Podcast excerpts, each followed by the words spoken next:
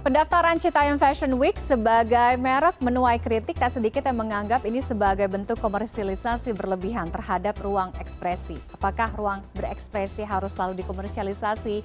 Kami bahas bersama Rani Rastati, peneliti dari Pusat Riset Masyarakat dan Budaya BRIN. Selamat malam Mbak Rani. Selamat malam Mbak Tiffany, gimana kabarnya nih? Alhamdulillah baik, mudah-mudahan dalam keadaan baik. Mbak Rani sudah ke Citayam Fashion Week? Udah berlenggak-lenggok di sana juga mungkin? Sudah, tapi kurang viral ya dibanding para remaja Citayam ya. Mungkin faktor umur juga ya kalah dari remaja-remaja dengan semangat mudanya itu. Oke, yang penting tapi tergerak ya. Akhirnya um, apa um, ini bisa menjadi magnet, bisa menggerakkan orang-orang untuk melihat langsung sebenarnya. Banyak yang penasaran juga untuk melihat sebenarnya gimana sih kondisi dari um, CFW atau Citayam Fashion Week ini. Nah, uh, berbicara mengenai komersialisasi sebenarnya wajar nggak sih Mbak Rani kalau misalnya sebuah tren ya, ini tren apa pun ya, nggak cuma ngomongin soal Citayam Fashion Week, apa pun tren ya, ketika tren ini dikomersialisasi, ini wajar nggak sih? Kan komersialisasi itu kan banyak ya bentuknya ya. Ada orang yang uh, datang gitu untuk nyobain makanannya yang lagi tren langsung gitu atau mungkin lagi lagi nyobain uh, ini tren busana yang baru gitu yang kekinian gitu itu kan beda bentuk-bentuknya macam-macam wajar nggak sih? Oke, kita berkaca dari Citayam Fashion Week gitu ya. Ini kan dipopulerkan oleh anak-anak remaja suburban yang tinggal di pinggiran Jakarta. Nah, terus ini diviralkan di media sosial seperti TikTok dan secara konsensus oleh netizen, ini dinamakan Citayam Fashion Week. Jadi artinya CFW ini adalah milik kita bersama gitu ya, milik semua orang memiliki perhatian uh, terhadap CFW ini. Nah, menurut saya memang ketika sebuah tren terjadi dan ini menjadi milik kita semua, biarkanlah ini menjadi sebuah gerakan subkultur anak muda gitu ya, tempat mereka mengekspresikan dirinya melalui fashion dan style gitu. Dan kalau memang misalnya ada pihak yang mungkin ingin membuat uh, icon tanda kutip gitu ya, icon baru dari CFW dalam bentuk hiburan misalnya atau podcast gitu ya, mungkin bisa menggunakan nama lain gitu bisa misalnya dukuh atas uh, Fashion Week atau Citayam Rebirth atau Citayam Fashion Show gitu. Banyak opsi nama lain yang bisa diambil dari uh, inspirasi dari Citayam Fashion Week itu sendiri. Begitu Tiffany. Oke, okay. nah kalau melihat apa yang terjadi sekarang Citayam Fashion Week ini sebenarnya lokasinya atau orang-orangnya kemudian monetisasi uh, dengan pelaku sesungguhnya artinya mereka yang memviralkan ya uh, yang membuat ini menjadi besar dan punya daya tarik kayak Bonge, uh, JJ dan teman-temannya itu. Kemudian kedatangan pelaku-pelaku yang memonetisasi uh, yang juga datang ke sini, yang datang ke Citayam Fashion Week. Gimana Mbak Mbak Rani melihat ini? Oke, sebenarnya Citayam Fashion Week ini terjadi karena ada sebuah ruang publik gitu ya, uh -huh. untuk semua kalangan yang dapat diakses uh, jalur transportasi yang sangat mudah gitu ya. Ada jalur, jalur KRL di situ, ada MRT di situ, ada Transjakarta di situ. Jadi anak-anak maja dari pinggiran Jakarta itu mampu ke sana dengan biaya yang yang murah gitu ya.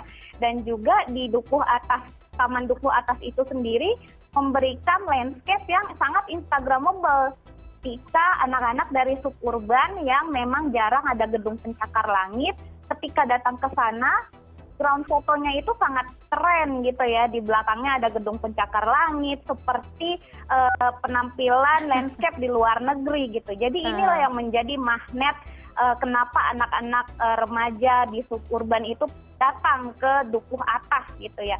Dan ketika viral orang-orang pun akhirnya semakin uh, apa ya saran ikut-ikutan tren dan juga ikut membuat konten di sana. Saya pikir di sini ada salah satu yang namanya fear of missing out gitu ya, hmm. atau FOMO gitu ya, takut kehilangan atau ketinggalan hype dari fenomena yang sedang viral. Hingga orang-orang yang dalam hal ini adalah uh, dari kalangan menengah atas gitu ya, mereka juga berbondong-bondong datang untuk membuat konten, untuk membuat uh, apa ya uh, penampilannya dengan outfit yang oke okay, gitu. Padahal kalau misalnya kita perhatikan beberapa ratus meter dari Taman Dukuh atas itu kan sudah ada mall kelas atas ya, middle up empat yeah. Iya. uh, orang-orang dari kelas atas ini biasa nongkrong gitu. Tapi pada akhirnya mereka semua turun gunung karena memang ada magnet dari uh, populeran dan keviralan Payem Fashion Week. Oke. Okay. Jadi kalau kalau ini kan ada wacana untuk uh, untuk dipindahkan. Ketika nanti um, tempat ini betul akan dipindahkan, apakah melihat vibes-nya masih akan sebesar sekarang? Oke, kalau menurut saya ini ya, FW ini tidak perlu dipindahkan ya, karena pada dasarnya justru Taman Dukuh atas inilah yang menjadi ruh dari CFW itu sendiri. Dan zebra cross catwalk itu adalah ikonnya gitu lah. Jadi menurut saya yang perlu dilakukan justru adalah memperluas delapan lokasi dari CFW itu sendiri. Misalnya di, di sepanjang trotoar Sudirman itu kan bisa dijadikan sebuah area untuk catwalk gitu ya. Itu kan panjang dan tetap memiliki landscape gedung-gedung uh, pencakar langit. Jadi orang-orang itu tidak terpusat dan tumpah ruah di Taman Duku atas sehingga menghambat uh, kendaraan dan juga jalur uh, pejalan kaki justru yang menjadi PR bagi kita bersama adalah bagaimana membangkitkan potensi area uh, publik lainnya untuk melahirkan tren-tren baru gitu ya. Yeah. Misalnya sebagai contoh tahun 2019 Monas itu pernah menjadi tempat terselenggaranya Jakarta Cosplay Parade gitu ya. Dan itu berhasil mendatangkan banyak orang ke sana cosplayer, pecinta cosplay gitu. Dan juga uh, area Blok M misalnya kita bisa berusaha membangkitkan kembali semangat anak muda era 90-an melalui jalan-jalan sore atau JJS. Hmm. Nah, dengan banyaknya ruang publik dengan trennya sendiri ini pada akhirnya akan memberikan pihak pada masing-masing tempat sehingga bisa me, apa ya bangkitkan uh, subculture subculture yang lain yang uh, menarik di Jakarta dan juga di Indonesia. Oke, okay, um, intinya positif lah ya. Nah, bagaimana bisa menghadirkan subculture um, yang baik itu tadi? Kalau kita berbicara mengenai street fashion, um, ini kan bukan tren yang baru di Jepang. Mereka punya Harajuku, kemudian um, di Korea Selatan ada Hongdae, Indonesia pun di Jakarta dulu tadi sudah Mbak Rani disebutkan ada Blok M, ada Braga di Jawa Barat. Nah, bagaimana ini akhirnya bisa di dimonetisasi dengan baik?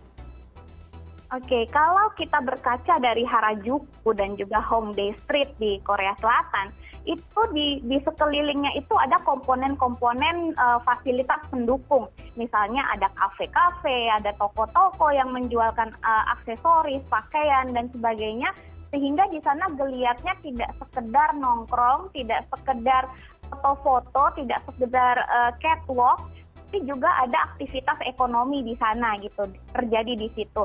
Uh, misalnya di Hongdae itu ada pameran uh, market ya ketika para seniman tiap um, weekend pada jam tertentu mereka itu justru menjual produk-produk kerajinan buatannya sehingga terjadi aktivitas ekonomi di sana. Mungkin kita bisa berkaca dari sana untuk tetap mem membudayakan atau membuat uh, subculture uh, di CFW ini tetap subur dan bertahan lama. Oke, baik. Terima kasih Mbak Rani, uh, diskusinya sangat menarik. Um, kita akan lihat bagaimana uh, perkembangan dari Citayam Fashion Week ini. Uh, jangan sampai cuma menjadi tren sesaat saja. Kalau memang memiliki dampak yang um, positif dan juga bisa memberikan apa ruang berekspresi yang lebih banyak lagi untuk anak-anak muda berkarya, mengapa tidak tentunya ya. Selamat malam Mbak Rani, sehat selalu. Selamat malam, terima kasih.